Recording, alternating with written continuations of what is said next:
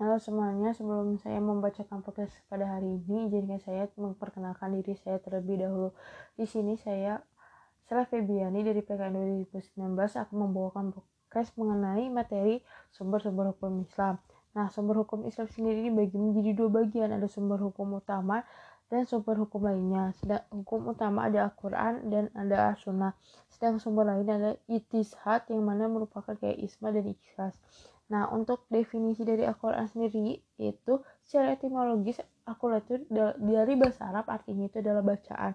Sedangkan dari secara etimologis yaitu kamalullah yang diturunkan kepada Nabi Muhammad dengan perantaraan malaikat Jibril dengan menggunakan bahasa Arab sebagai bukti atas kenabian atau kerasulannya disampaikan secara mutakhir dan membacanya bernilai ibadah. Kamalullah merupakan suatu firman atau perkataan dari Allah Subhanahu wa taala.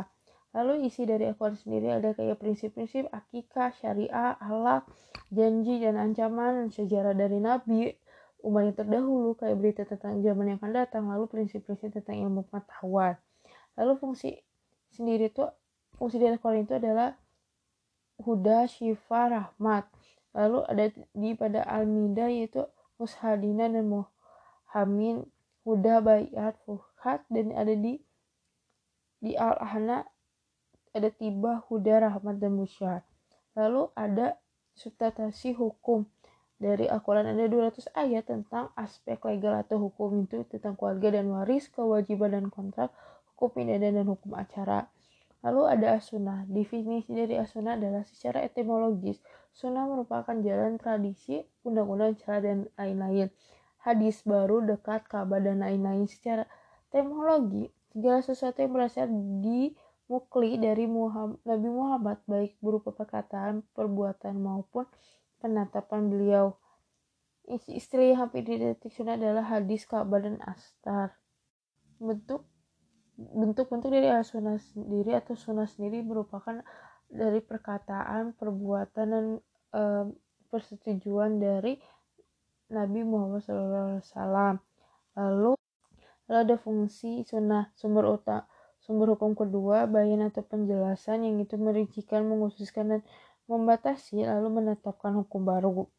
Lalu ada istishad, definisinya yaitu secara etimologis artinya bersungguh-sungguh, namun secara temologis artinya mencurahkan segenap kemampuan berpikir untuk mengeluarkan hukum syari yang praktis atau amalia dari dalil dari Al-Quran dan Sunnah. Mutashid adalah orang yang melakukan itishad. Lalu dasar-dasar penggunaan dari itisad sendiri adalah Al-Quran yaitu surat Al-Isa. Lalu ada sunnah, hadis tentang diutusnya Mushad menjadi hakim di Yaman. Logika nasyas, nasyas Al-Quran dan sunnah terbatas, sedangkan peristiwa manusia tidak terbatas. Lalu ada objek atau medan istihad. Masalah yang ditunjuk oleh Anas atau Zahaini bukan yang akti. Masalah baru hukum belum dijelaskan oleh Nas Lalu masyarakat baru yang dihukumnya belum diizinkan atau disepakati. Hukum yang ilahnya atau alasannya belum diketahui.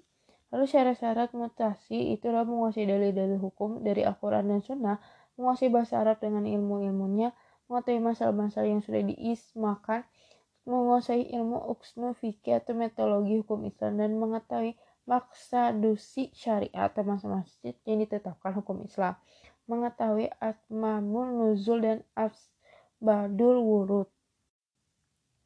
Metode atau cara beritishad ada isma, isma, kias, istisan, istihla, istihab, ruf, syar'u, kablna, lalu ada sahdu driziha, lalu ada isma. Definisinya itu adalah kesepakatan ulama tentang suatu hukum sepeninggalan Nabi Muhammad SAW.